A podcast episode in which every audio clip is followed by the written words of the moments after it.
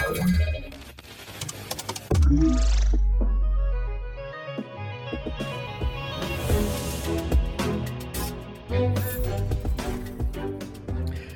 dzień dobry. Tutaj Fundacja Bezpieczna Cyberprzestrzeń, podcast Cyber Cyber w wydaniu Raport. Dzisiaj jest 14 kwietnia 2023 roku. Ze mną jest Cyprian Gutkowski. Cześć Cyprian. Cześć, witam cię bardzo serdecznie. No i prowadzący Kamil Gapiński. Dzień dobry. A nasze dzisiejsze tematy newsowe są następujące. Obywatel Estonii oskarżony o zakup amerykańskich urządzeń na rzecz rządu i wojska rosyjskiego. Chat GPT jest już zamieszany w wycieki danych. Tesly kłopoty z prywatnością. Tworzyć uzasadnienie biznesowe dla CTI? WhatsApp będzie bezpieczniejszy. Nowa funkcja ochrony przed malwarem. Atak typu ransomware na PESA Bydgoszcz. Legion. Narzędzie dystrybuowane przez Telegram. NASK oraz Służba Kontrwywiadu Wojskowego demaskują kampanię cyberataków przeprowadzanych przez rosyjskie służby przeciwko Polsce. 45-letni Andrzej Szewlakow został aresztowany w marcu e, w Talinie. Postawiono mu 18 zarzutów, w tym zarzut spisku i innych e, przestępstw gospodarczych. Grozi mu do 20, 20 lat więzienia. Chodzi tutaj o e, przestępstwa szpiegowskie, no, generalnie przestępstwa gospodarcze na rzecz E, Rosji, a przeciw Stanom Zjednoczonym. E, dokumenty sądowe z prokuratury wskazują, że Szewlakow prowadził fikcyjne firmy służące do importu zaawansowanych e, zaawansowanej elektroniki, podzespołów elektronicznych od amerykańskich producentów. Towary te następnie trafiały do Rosji, omijając sankcje i inne restrykcje import, eksport. Mm, zakupione przedmioty obejmowały na przykład przetworniki analogowo-cyfrowe, niskoszumowe przetworniki częstotliwości i inne komponenty stosowane, jak żeby inaczej, w systemach obronnych. Szewlakow również e, został oskarżony o próby zdobycia narzędzi hakerskich, takich jak Rapid 7 Metasploit Pro. E, legalne oprogramowanie do, test, do testowania penetracji, e, no, do testów penetracyjnych e, i symulacji ataków. No, Sherlocków od 2012 mm, roku jest na specjalnej czarnej liście amerykańskiej. No, jako właśnie taki agent zakupowy dla Rosji, posługiwał się fałszywymi naz nazwiskami, nazwami, zmyślonymi, znaczy nieprawdziwymi nazwami e, i, siecia, i siecią fikcyjnych e, firm, no, żeby obejść właśnie przepisy i by prowadzić, tak jak to e, nazwali Amerykanie, zawiłą operację logistyczną obejmującą przemyt przez granicę rosyjską. Natomiast no, oczywiście facet będzie najprawdopodobniej no, osądzony ale ten sam eksport, e, no jego wartość jakby nie jest tak, taka bardzo zdumiewająca. Jest to 800 tysięcy mm, dolarów. Tutaj, jak twierdzą właśnie oskarżycie, oskarżyciele, trwało to ponad e, właśnie dekadę, ten proceder. No, zobaczymy, jak to się dalej potoczy. Ten element hakerski tutaj jest bardzo interesujący. Kolega pewnie wpadł dlatego, bo nie używał czatu GPT i nie zapytał go, w jaki sposób obejść sankcje rosyjskie zakupowe. Może by coś uzyskał, bo czat GPT jest już zamieszany zarówno w wycieki danych, oszustwa typu phishing, różnego rodzaju infekcje z właściwym oprogramowaniem. A o tym wszystkim mówi raport, który przygotowała firma Network Assured. Poinformowała, że cały czas rośnie liczba wycieku danych i oszustw właśnie mm, różnego typu, głównie phishingowych, e, które można przypisać czatowi GPT. Raport tak naprawdę śledzi najpoważniejsze naruszenia bezpieczeństwa, w które zaangażowany był czat, e, no i wykrył dwa przynajmniej dwa nowe zdarzenia miesięcznie, które mają związek z czatem GPT, są używane przez przestępców. E, w marcu tak naprawdę doszło do pierwszego poważnego wycieku danych OpenAI e, i tutaj, co ciekawe, około 1,5% użytkowników czata podczas e, konkretnej sesji w marcu podało na przykład swoje dane uwierzytelniające do kont bankowych różnego rodzaju w czacie i to się pojawiły tam też informacje na temat dane dotyczące płatności, jakie realizują. Nie wiem po co można by podawać takie dane i cóż chcieli uzyskać, jakie pytanie zadać, bo mm, wydaje mi się to bardzo dziwne, no ale rzeczywiście mm, to miało miejsce, no i taki ten 1% użytkowników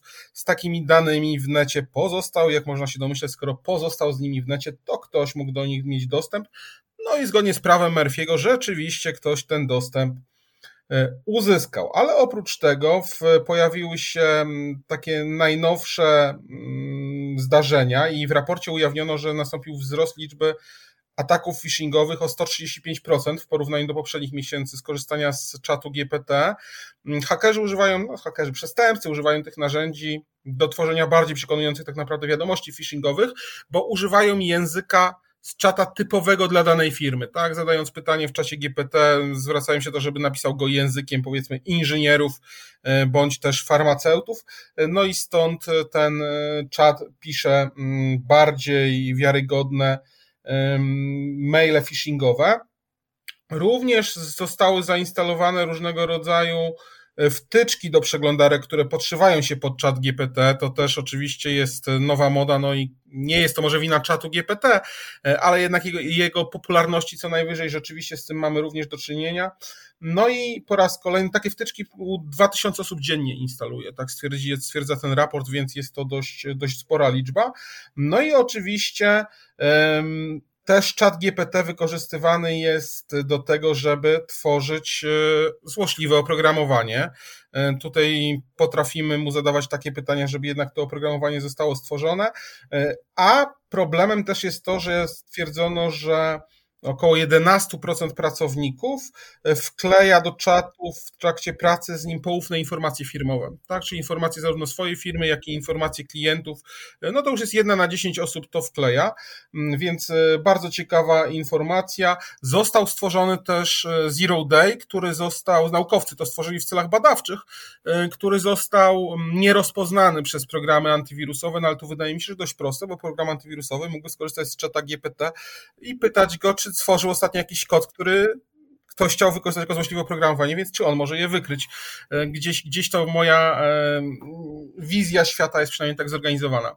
No, narzędzia właśnie sztucznej inteligencji też walczą z tą cyberprzestępczością i tutaj można stwierdzić, że mm, zdecydowanie bardzo dużo ataków zostało rozpoznanych. Raport przytacza dowody, że w styczniu 2023 roku narzędzia bezpieczeństwa, które zostały oparte na sztucznej inteligencji, powstrzymały 1,7 miliona e, ataków różnego rodzaju, więc wskazuje to dość wysoko. Pytanie tak naprawdę o co chodzi, no jeżeli byśmy mieli je rozpisać dokładnie, to być może wcale ta sztuczna inteligencja tam nie była e, potrzebna ale to, to, to na tyle, jeżeli chodzi o czat GPT, który na pewno jest ciekawy, pomaga nam w pracy. Natomiast pamiętajcie o tym, że nie wpisujemy tam danych, które pozwolą czy to zidentyfikować naszą firmę, czy naszego klienta, e, bo przez to nic dobrego się nie stanie, a pytania można zadać w taki sposób, e, że to nie jest wcale konieczne, a zwłaszcza nie podawajmy tam swoich uwierzytelnień na litość boską. Tak, tutaj zawsze się powinna zapalić czerwona lampka, jeżeli jakakolwiek wtyczka, która jest podłączona pod właśnie e, czat no, prosi o jakieś dane uwierzytelniające. Ja byłem przekonany, że czat będzie wykorzystywany do, e, do cyberprzestępstw i też byłem przekonany, że ludzie będą używać czatu do, no, oczywiście do, do pracy, do swojej pracy operacyjnej, do pracy biurowej i różnej innej i będą tam wklejać różne poufne, wrażliwe e, dane i nie wiemy, nie wiemy, nie mamy pojęcia, gdzie to ląduje, tak? Znaczy, E, wiemy, co to jest OpenAI, możemy przeczytać statut e, tej organizacji, ale no, nie jest to po prostu miejsce, gdzie należałoby takie firmy. Po prostu na pewno nie jest to zgodne z polityką bezpieczeństwa waszych organizacji. No też sami powinniście się tego domyślić. Tak, ja chcę tylko jeszcze dodać właśnie, Kamil, że mi przychodzi do głowy, że jak mogły tam trafić te uwierzytelnienia też, to że ktoś pytał, czy ma właściwe hasło na przykład do bankowości elektronicznej, czy to hasło jest bezpieczne, czata GPT. Przychodzi mi coś takiego do głowy, ale, ale to już wiesz, to już kwestia kogoś zupełnie, kto nie ma zielonego pojęcia o bezpieczeństwie, ale rzeczywiście na pewno nie jest to zgodne z waszymi, z waszymi politykami waszych organizacji. Mm, a czat GPT jest przydatny, ale należy robić to z głową i weryfikować też, co on pisze, bo bardzo często ma halucynacje. Tak, e, ale dość już o, o czacie. E, być może poświęcimy, to jest niezły pomysł, Cyprian, byśmy może poświęcili kiedyś e, odcinek Cyber Cyber na właśnie na, na, na chat GPT, na AI i byśmy może o tych zagrożeniach porozmawiali. No to myślę, że to można kiedyś zaplanować. Um...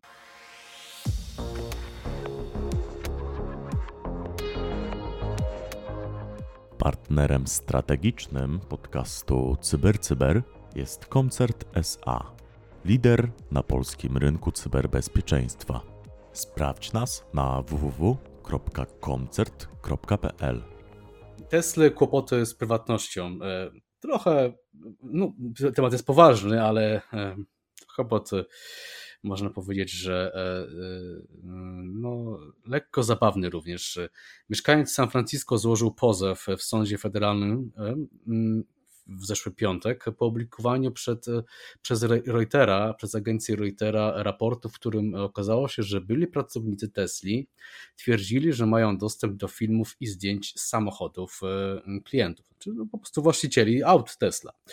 Pracownicy Tesli rozsiewali, rozpowszechniali nagrania klientów Tesli w prywatnych i kompromitujących sytuacjach bez ich zgody, twierdzi pozew sądowy wyobraźcie sobie, że no, kamery w środku e, tych aut no, tam rejestrują waszą aktywność, kamery, mikrofony, no i gdzieś tam później to trafia do pracowników Tesla, oni się tym wymieniają, wysyłają sobie na jakichś grupowych czatach, robią sobie um, z tego e, żarty. No i właśnie takich kilka e, sytuacji wymieniono. Na przykład sytuacje jak nagi mężczyzna idący w kierunku samochodu e, Tesla, przykładowo, tak? Albo incydenty związane z agresją e, na drodze też były jakby tutaj przedmiotem komunikacji między pracownikami. E, też jakby bardzo szeroko się rozpowszechnił film pokazujący jak auto Tesli potrąciło dziecko na rowerze. No to nie już już takie zabawne, więc i takie rzeczy się zdarzają, no i gdzieś tam no, ktoś ma do nich dostęp, tak? Dodano również w tym pozwie, że pracownicy Tesla dzielili się zdjęciami zwierząt klientów podróżujących razem z nimi samochodami. E, zamieniali niektóre z nich na memy, ozdabiali komentarzami, no i następnie właśnie publikowali na swoich grupowych czatach. No czyli robili sobie robili po prostu świństwo, tak? No, wykorzystywali czyjeś jakby prywatne, um, prywatne dane, jakby ich, ich wizerunek, no i nabijali się z tego. No.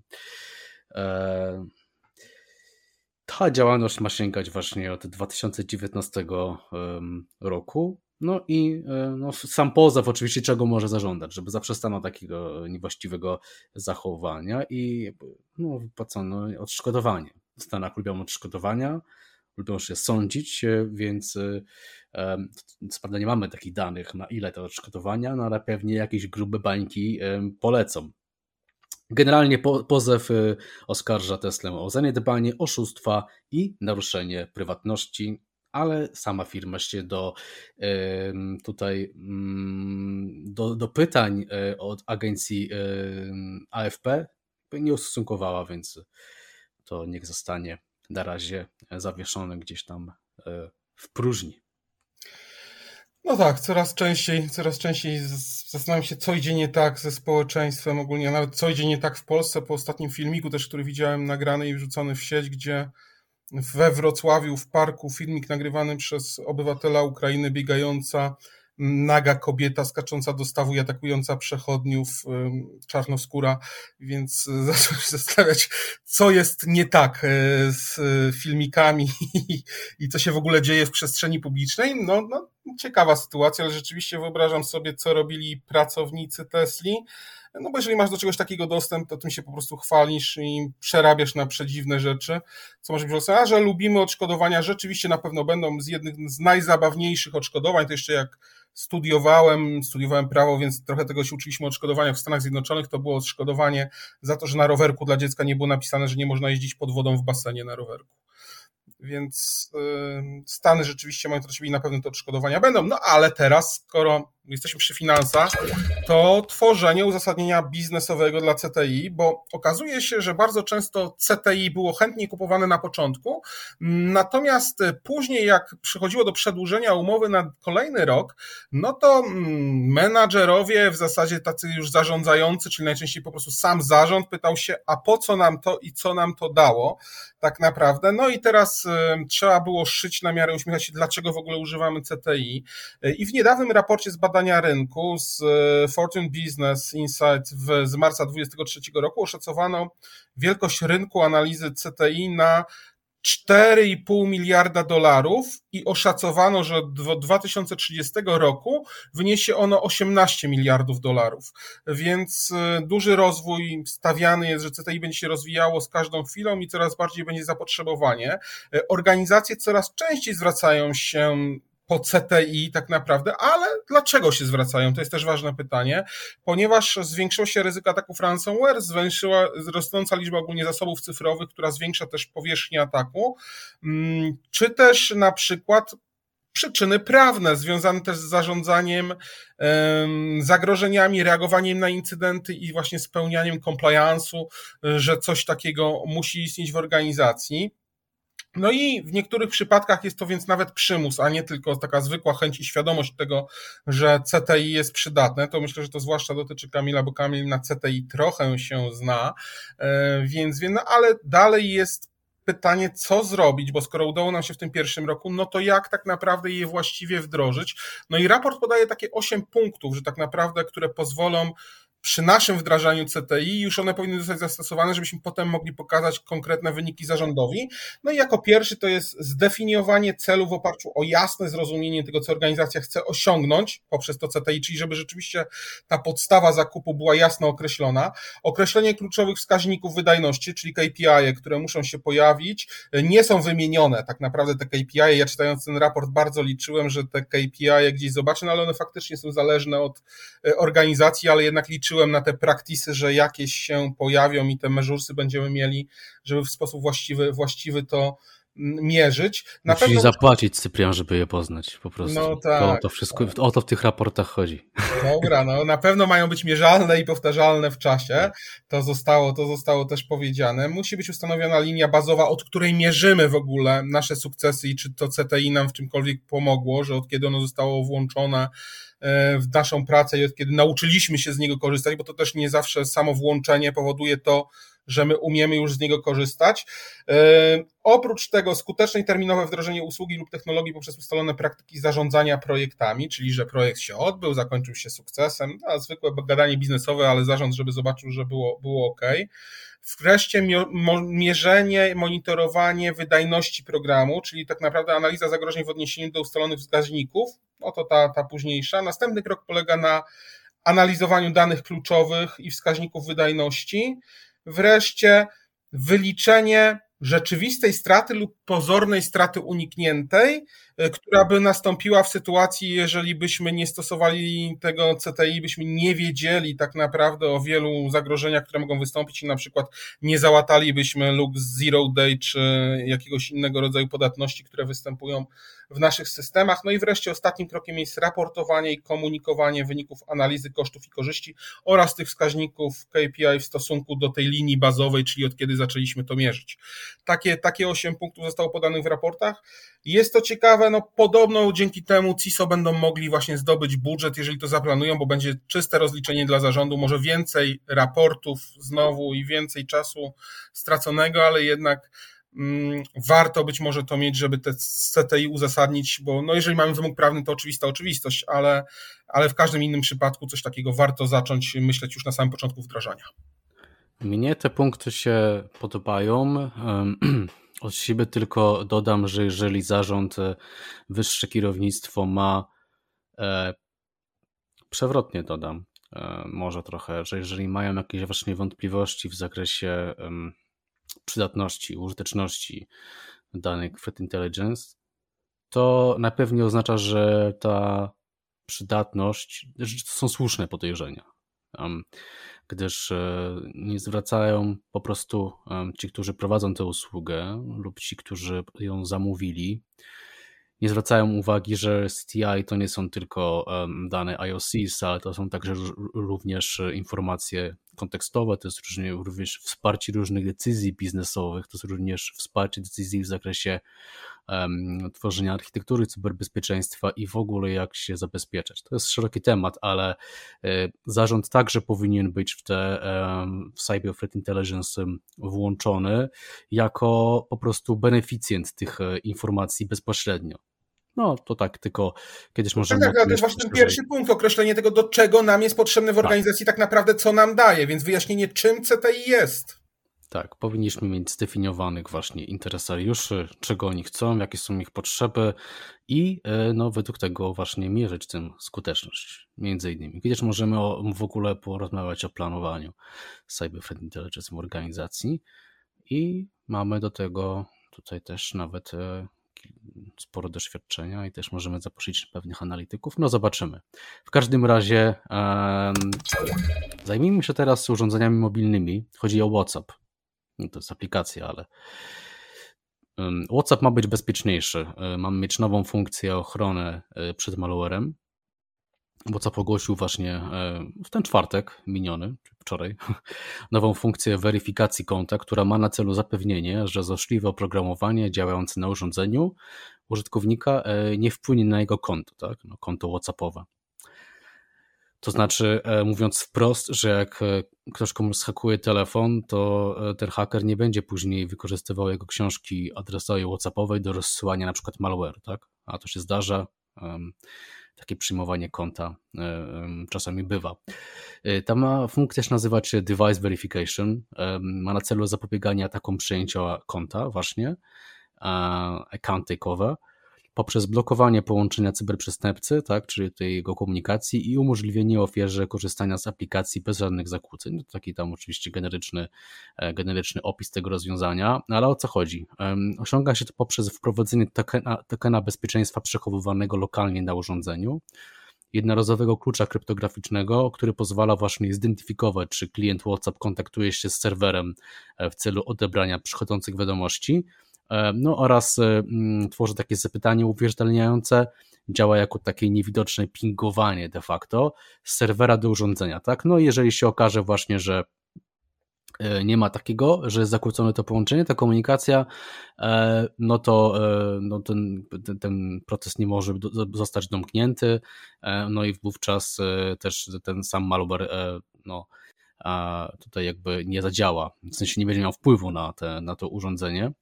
E, no, nie jestem pewny, z którą aktualizacją przyjdzie, to e, device verification. Na pewno jakby nie, my sami jakby nie, nie doświadczymy tego, bo to będzie się gdzieś tam działo pewnie e, pod no, no, na, na poziomie kodu i tego, co tam wewnątrz WhatsAppa się dzieje. No, użytkownika to nie będzie wpływało, no ale dobrze, że tak popularna aplikacja staje się bezpieczniejsza. To prawda, bezpieczeństwa nigdy za dużo. No a skoro o bezpieczeństwie, to informacja z tygodnia przedświątecznego tak naprawdę. Nie mieliśmy raportu w święta, więc kwestia dotyczyła ataku ransomware na PESA Bydgoszcz. E, PESA jest e, polskim producentem taboru kolejowego, znanym tak naprawdę na całym świecie, który specjalizuje się w projektowaniu produkcji, ale też modernizacji wagonów e, i tramwajów dostarcza swoje produkty do krajów na całym świecie. Polska, Niemcy, Czechy, Słowacja, Rumunia, Estonia też, o której była mowa na początku, czy Litwa, Łotwa i Ukraina, a nawet Kazachstan. E, firma stawia na e, tak naprawdę ekologiczny rozwój i dość e, mocne włączenie także elektroniki, jak również systemów teleinformatycznych w swoich e, pociągach i wagonach. E, no i taki atak ransomware nastąpił. Do zdarzenia doszło w niedzielę 2 kwietnia w PESA Bydgoszcz.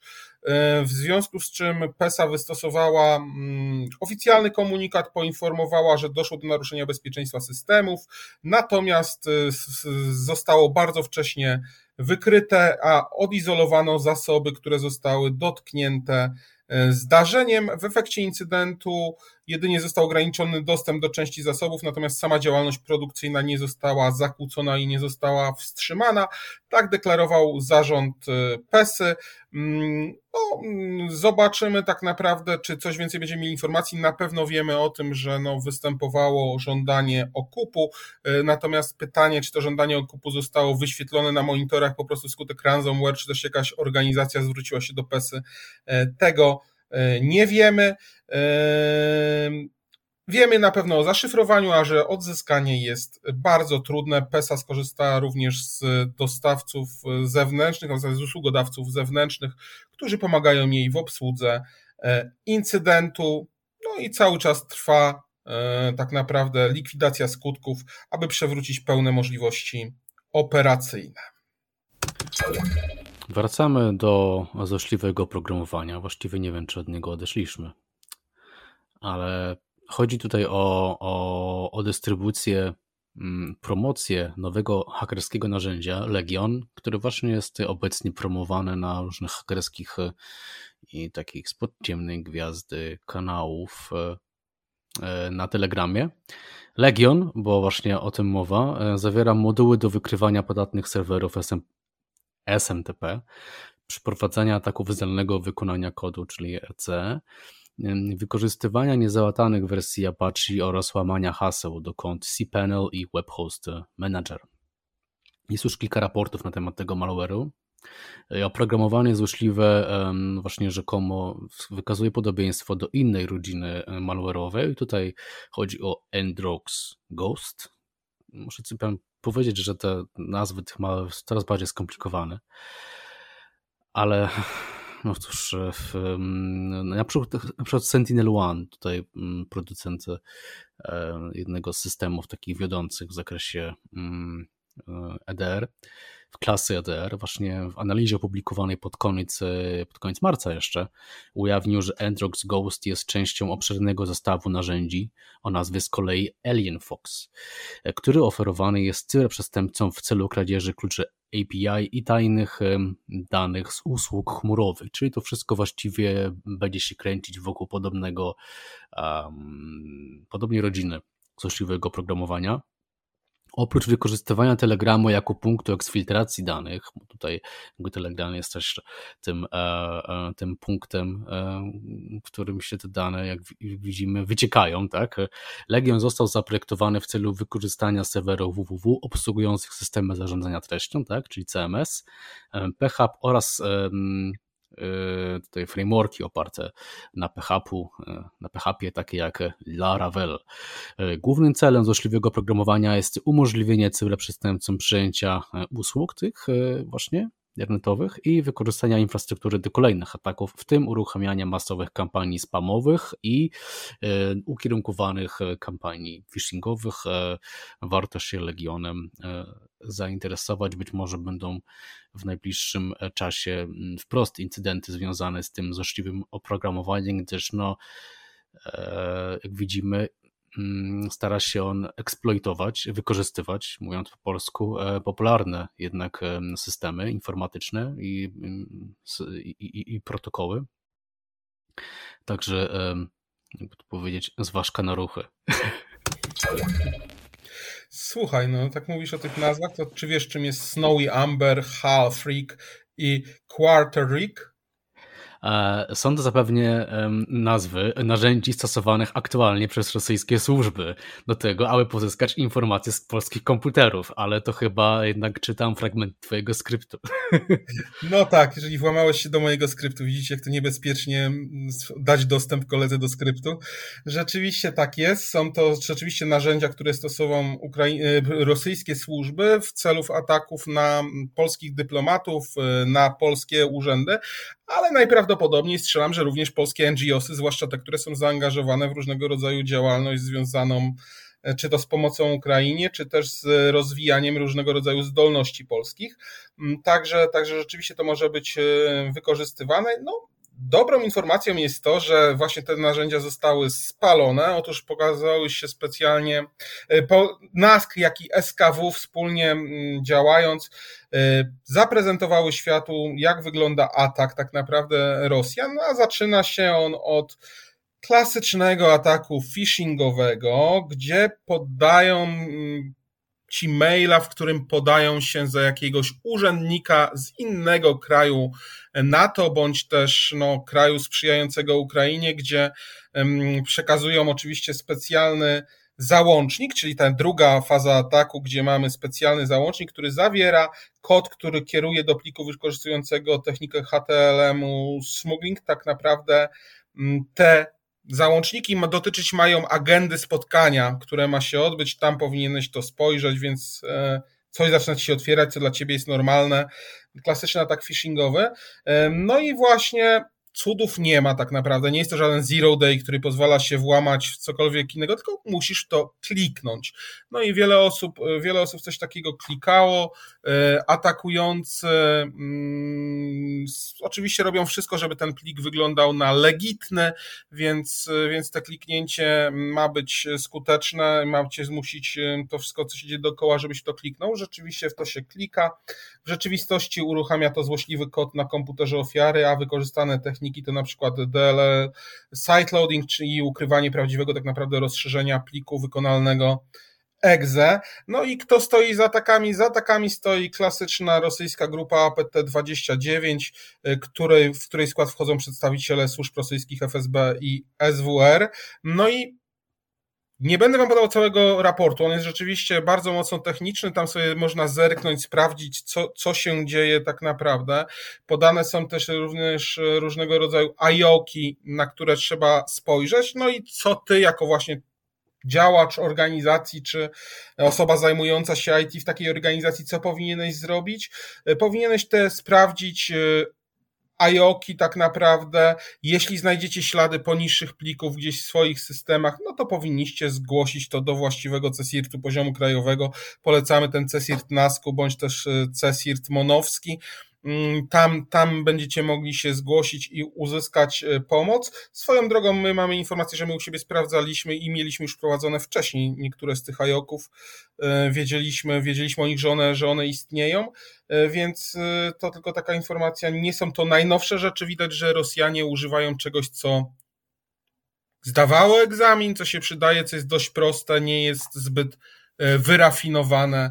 No ale mm, rzeczywiście, jak teraz czytam informację, że to, że nie wybuchł konflikt z NATO, zawdzięczamy tylko temu, że z rosyjskiego samolotu naciśnięciu, przy naciśnięciu fire nie wystrzeliła rakieta, no to hmm, nie wiem, co o tym myśleć, ale rzeczywiście pilot zrozumiał, że dostał zgodę na zestrzelenie samolotu natowskiego, nacisnął fire, a rakieta odmówiła posłuszeństwa. Słuchajcie, to już wszystkie newsy w naszym dzisiejszym odcinku. Ja bym chciał jeszcze e, nadmienić tutaj, że um, nasza fundacja, nasz podcast ma szansę wygrać jako najlepszy podcast IT według e, itweek.pl. Wystarczy e, właśnie mm, wejść na top 10 tych podcastów na ten konkurs, tak, na itweek.pl. Chyba da mi linka nawet tam przez przypadek, przypadkowo on się tam wklei do naszego tutaj um, wpisu na naszej stronie security.org. No i głosujcie na nas, tak? No bo cóż, nagrywamy ten podcast już od 10 lat praktycznie. Różne metamorfozy on jakby um, ma za sobą, ale regularnie gdzieś tam e, powstaje. Byłoby nam bardzo miło znaleźć się, no, nawet nie mówimy o wygranej, ale gdzieś tam się pokazać. Um, oczywiście um, słuchajcie nas dalej, um, piszcie w komentarzach. No i cóż, słyszymy się za tydzień. E, z wami był Cyprian Gutkowski. Dziękuję bardzo i Kamil Gapiński. Dziękujemy, do usłyszenia, pozdrawiamy. Bądźcie cyberbezpieczni, cześć. Cześć.